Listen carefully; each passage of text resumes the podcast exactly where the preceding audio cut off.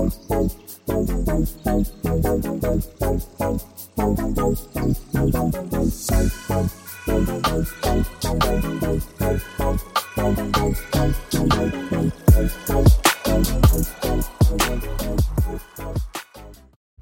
semua, kembali lagi dengan aku Marisa sebagai caster dari podcast Cuan, curhatan anak kewirausahaan.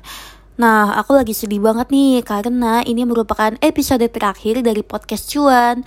Di sini kita bakal ngobrol lagi sama Kak Dedi untuk membahas sistem informasi geografis dalam genggaman.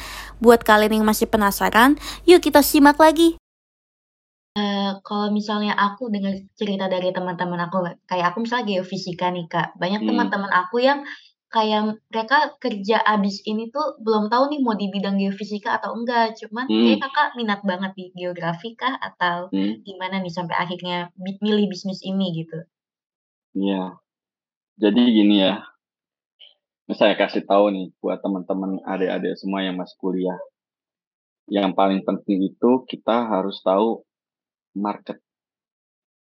Market kita. Kalau kita mau di bidang kita nih, bidang kita masing-masing, market kita apa gitu.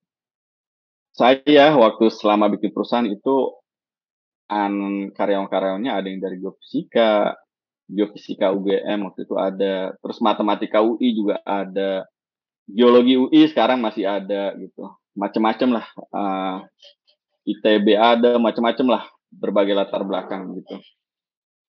Nah, kenapa saya bilang yang paling penting market?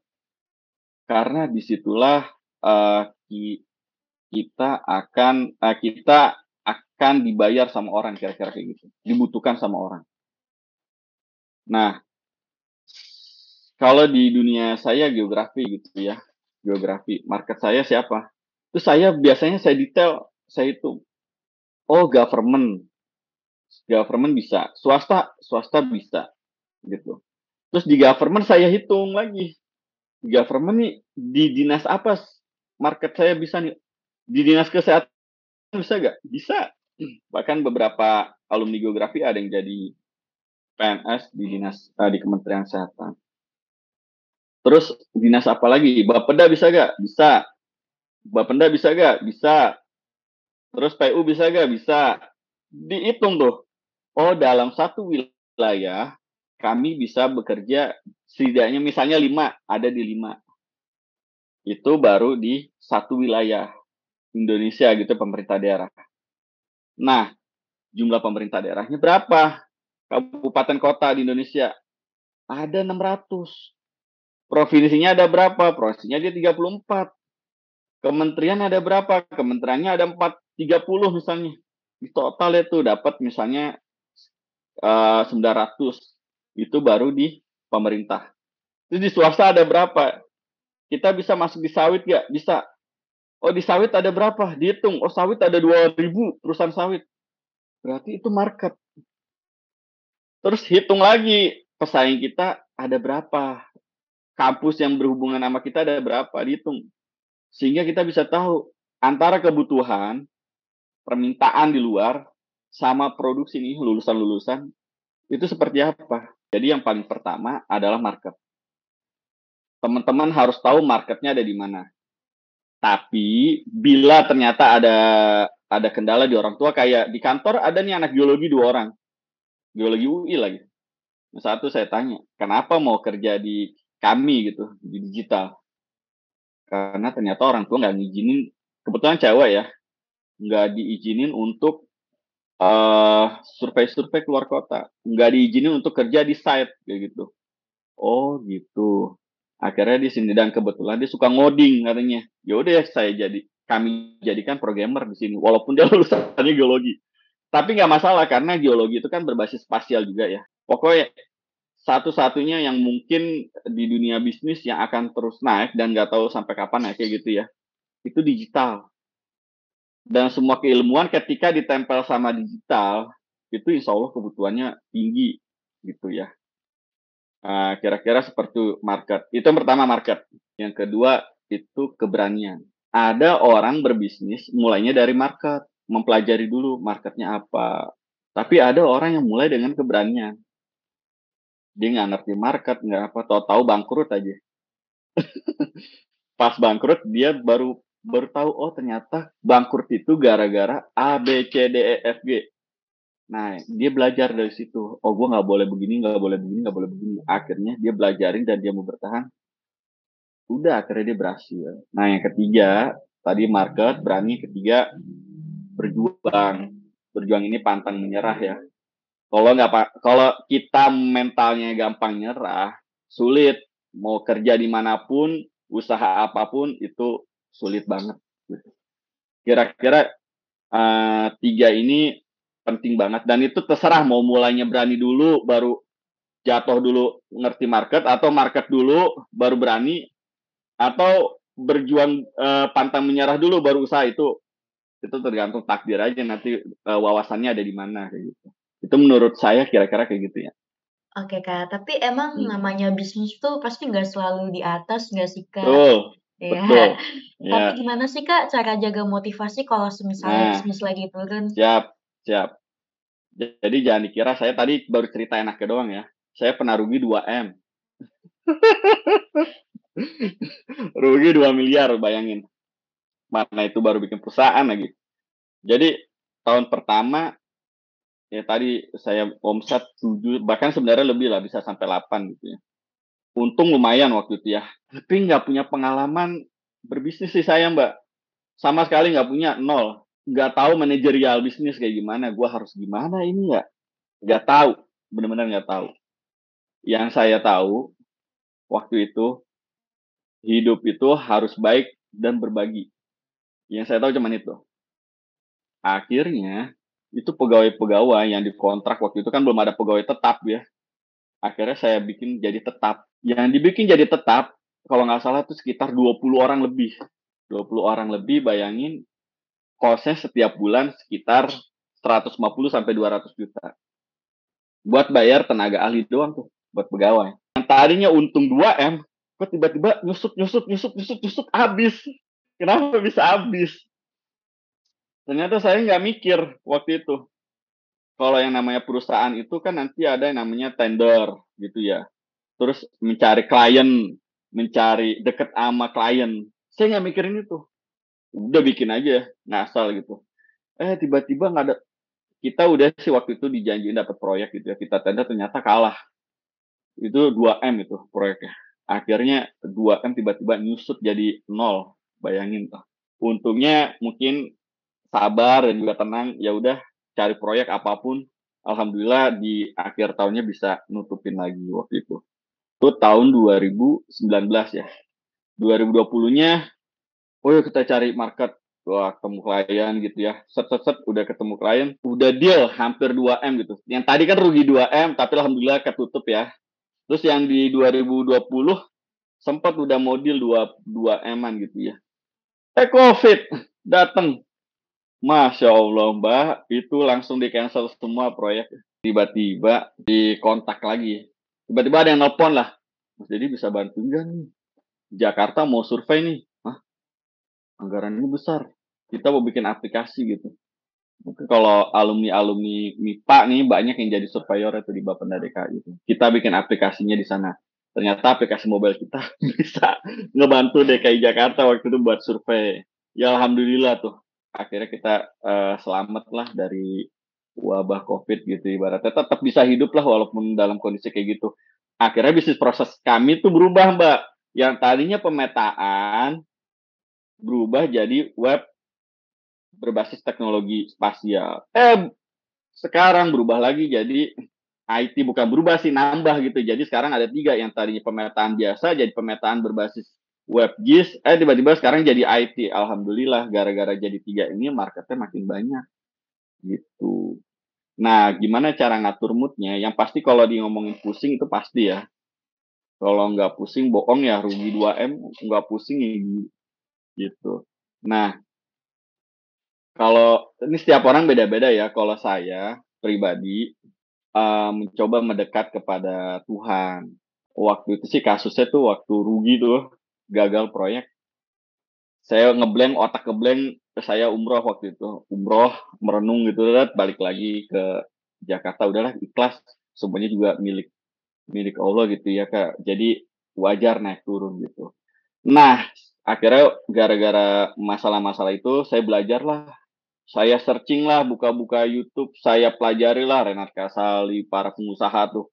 Gimana sih mereka bisa bertahan bikin usaha? Saya pelajarin, Mbak. Saya pelajarin terus akhirnya saya menyimpulkan dan tahu ternyata yang namanya bisnis itu pasti rugi suatu saat. Ada kalanya turun, ibaratnya gitu. Jadi kalau turun gimana? Ya apa-apa. Itu bisnis. Kalau nggak pernah turun justru bukan bisnis gitu. Mencurigakan tuh kalau misalnya nggak pernah turun. Tapi bisnis itu suatu saat juga akan naik. Kalau tidak akan naik, itu bukan bisnis. Jadi yang namanya bisnis pasti fluktuatif gitu. Cuman ya tergantung kita manajerialnya bisa naik terus nantinya. Gitu. Yang penting konsisten jaga dulu tuh perusahaan minimal ya. Kalau saya prinsipnya jaga dulu deh lima tahun tuh. Karena biasanya kalau udah melewati, udah mencapai lima tahun, mentalnya udah kuat nih. Udah tinggal berkembang. Tapi kalau belum lima tahun, baru dua tahun, baru tiga tahun, gak usah seneng dulu, sabar dulu ya. Di situ ujiannya banyak biasanya. Kira-kira kayak gitu, Mbak. Oke oke, keren banget, Kak. Oh ya, Hmm. untuk teman-teman misal kayak Kak Satrio ini kan anak geografi, terus aku Hmm. geofisika, ada juga yang geologi. Kalau memang ingin coba berkarir di Desmep atau di perusahaan serupa, Hmm. apakah cukup sama ilmu kuliah kita aja atau mungkin ada saran ikut course digital gitu yang lagi Yes. marak sekarang? Oke. Kayak iya. Oke. Jadi gini, ini di dunia geospasial ataupun ilmu di keilmuan bumi ya, termasuk MIPA lah. Jadi kita itu bisnis seperti ini, ada hulu, ada hilir, dan ada alat bantu nih digitalisasi di sini. Digitalisasi buat survei atau digitalisasi buat dari hilir ketemu klien gitu ya. Nah, kalau hulu apa? Hulu kan collecting data seperti itu ya. Hilir ya nanti kita memasak. Kalau kita ngomongin hulu, hulu banyak gak? Banyak banget gitu, banyak banget. Hilir sama banyaknya. Kenapa saya bilang banyak? Karena Indonesia tuh gede banget gitu. Ngomongin contoh misalnya kita survei pengukuran bidang. Bidang di Indonesia ada berapa juta? Banyak banget. Jakarta aja ada 2 juta lebih gitu. Ibaratnya kerjaan tuh nggak bakal habis di dunia itu gitu ya. Nah, yang tadi saya bilang, yang dimain di digitalisasi ini itu sangat sedikit gitu, sangat sedikit. Jadi siapa yang bisa berkarir di sana sebenarnya? Saat ini tidak ada satupun keilmuan di Indonesia yang spesialis di situ. Nggak ada. Saya udah searching lah di mana-mana gitu. Udah ketemu binus, ketemu sana ketemu. Semua mindsetnya adalah mindset lisensi. Mindset lisensi apa? Beli aja lisensi. Eh, pakai set. Kayak gitu. Mindsetnya gue kan kayak gitu. Yang kayak gitu, mohon maaf ya, itu nggak bisa nggak berlaku buat pemerintah daerah gitu. Kita main di pemerintah daerah mana bisa kayak gitu. Nah, inilah market, eh, saya bilang market kosong kalau kita ngomongin kerjaan. Nah, sekarang saya tanya, uh, ketika kita menjadi kayak Dasmap gitu ya, programmer gitu ya, programmer JIS atau JIS programmer. Yang jelas JIS, JIS itu sendiri sekarang itu nggak boleh diakuin sama anak geografi. JIS itu punya semuanya, punya anak biologi, buat pemetaan apa tuh karang, buat nah, itu kan juga mainannya biologi, geofisika juga mainan. Semua mainan rata-rata. Jadi JIS udah bukan lagi ilmunya geografi. Itu satu perlu diingat. Kedua, tadi kosong tuh di dunia digital siapa yang memain? Jadi siapa aja boleh gitu. Marketnya besar gitu. Nah gimana supaya bisa kayak gitu? Yang penting logiknya matematiknya. Kalau matematiknya kuat biasanya untuk menjadi programmer ini lebih cepat daripada yang uh, matematiknya uh, kurang bagus gitu biasanya sih kayak gitu mbak uh, apalagi ya jadi sangat memungkinkan kita semua bekerja di bidang seperti dasma gitu ya. Tapi ingat ya, yang ada dua di teknologi geospasial, ada yang lisensi, ada yang tidak lisensi. Kita menyebutnya open source. Apa sih bedanya? Kalau lisensi itu udah jadi aplikasinya. Beli aja udah. Kalau ini kita harus bangun, bangun, di coding, dibikin fungsinya seperti apa. Kalau ditanya pusing, pusing, pusing banget di sini. Tapi kalau udah jadi, udah jadi mau bikin machine learning, mau bikin artificial intelligence, wih, enak banget di sini. Nah, jadi kalau masih muda gitu ya, orang tuanya mampu, nggak kebelet pengen punya duit banyak gitu ya, nggak pengen buru-buru kaya, saran saya belajarlah yang ini, yang open source ini. Lupain yang ini, biarin orang jago main nggak apa-apa. Kita main di sini aja. Ini syaratnya ya, main di sini dua tahun, tiga tahun, kalau udah jago, buset, orang datang nih, semua pada datang, nanya gimana sih bikin ini, gimana sih bikin ini, kayak gitu kira-kira. Oke, keren banget, Kak. Banyak banget ya ilmu yang kita dapat hari ini. Contohnya kayak pentingnya personal branding atau paham market, keberanian, dan juga sifat pantang menyerah. Nah, Kak Didi, sebelum kita tutup nih podcast hari ini, ada nggak kesan eee, kesan yang pengen Kakak kesan-pesan yang pengen Kakak sampaikan untuk teman-teman FMIPA UI? Oke, net FMIPA UI ya. FMIPA UI khususnya yang berhubungan dengan geospasial aja ya. Sebenarnya matematika juga berhubungan, FKM juga berhubungan. Kadang saya pernah diminta juga sama dokter dia di Makassar, saya ada DBD nih di sini sini sini. Dia udah ngasih obat, tumbuh lagi penyakit, obat nyembuh lagi. Akhirnya dikasih peta, dia tahu oh ternyata sebarannya di sini gara-gara ini. Dibetulin nih muka buminya nih. Misalnya nih diberesin nih sumber penyakitnya. Akhirnya ngebantu si dokter kan mengurangi beban si dokter.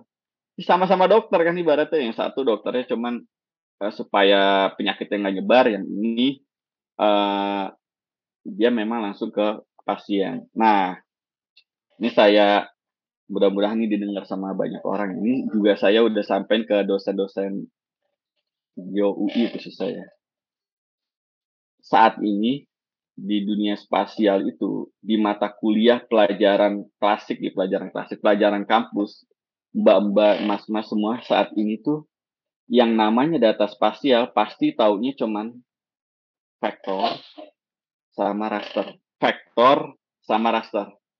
Diolahnya pakai apa? Pakai software desktop kan?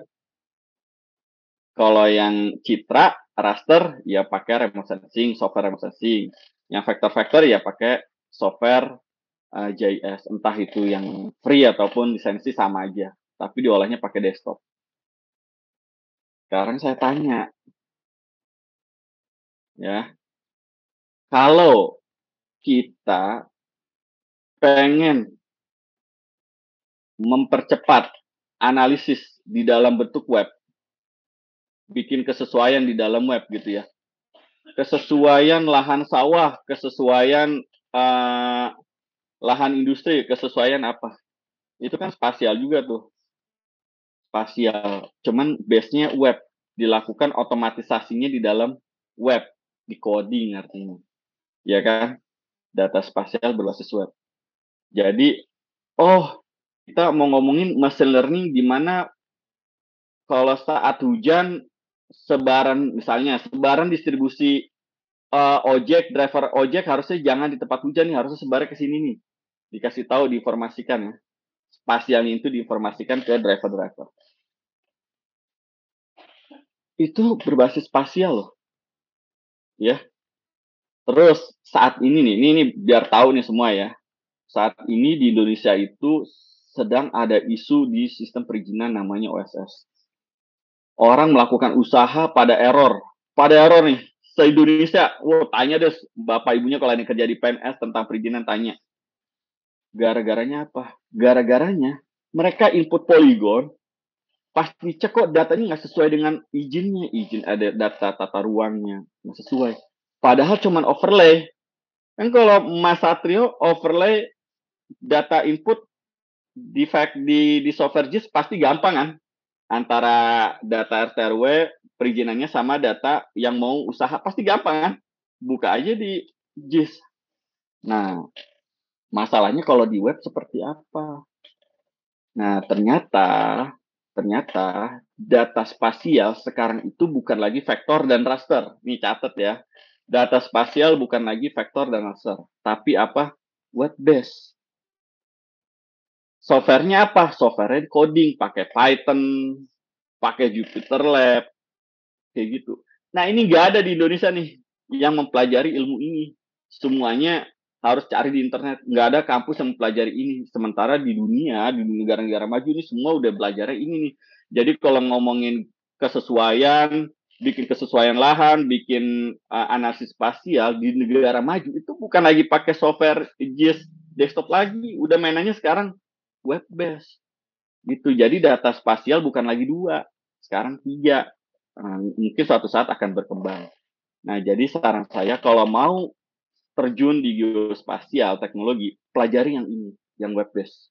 Pakai Python caranya dianalisis. Kayak gitu. Jadi jangan bergantung kepada software. Kira-kira itulah pesannya. Oke, banyak banget ya ilmu yang kita dapat hari ini. Semoga ilmu yang udah dikasih sama Kak Dedi bermanfaat untuk teman-teman yang masih ragu nih untuk memulai bisnis. Terima kasih banyak ya Kak Dedi karena telah bersedia menjadi narasumber di Pak episode kali ini. Semoga segala urusan bisnisnya dipermudahkan dan kita Amin. bisa bertemu di kesempatan lain lagi. Amin. Ya. Terima kasih Kak Marisa. Ya. Baik, uh, aku Marisa sebagai pemandu podcast Cuan episode 5 pamit undur diri. Terima kasih banyak dan sampai jumpa di episode selanjutnya. Dadah. Uh, salam semuanya. Selamat malam. Assalamualaikum.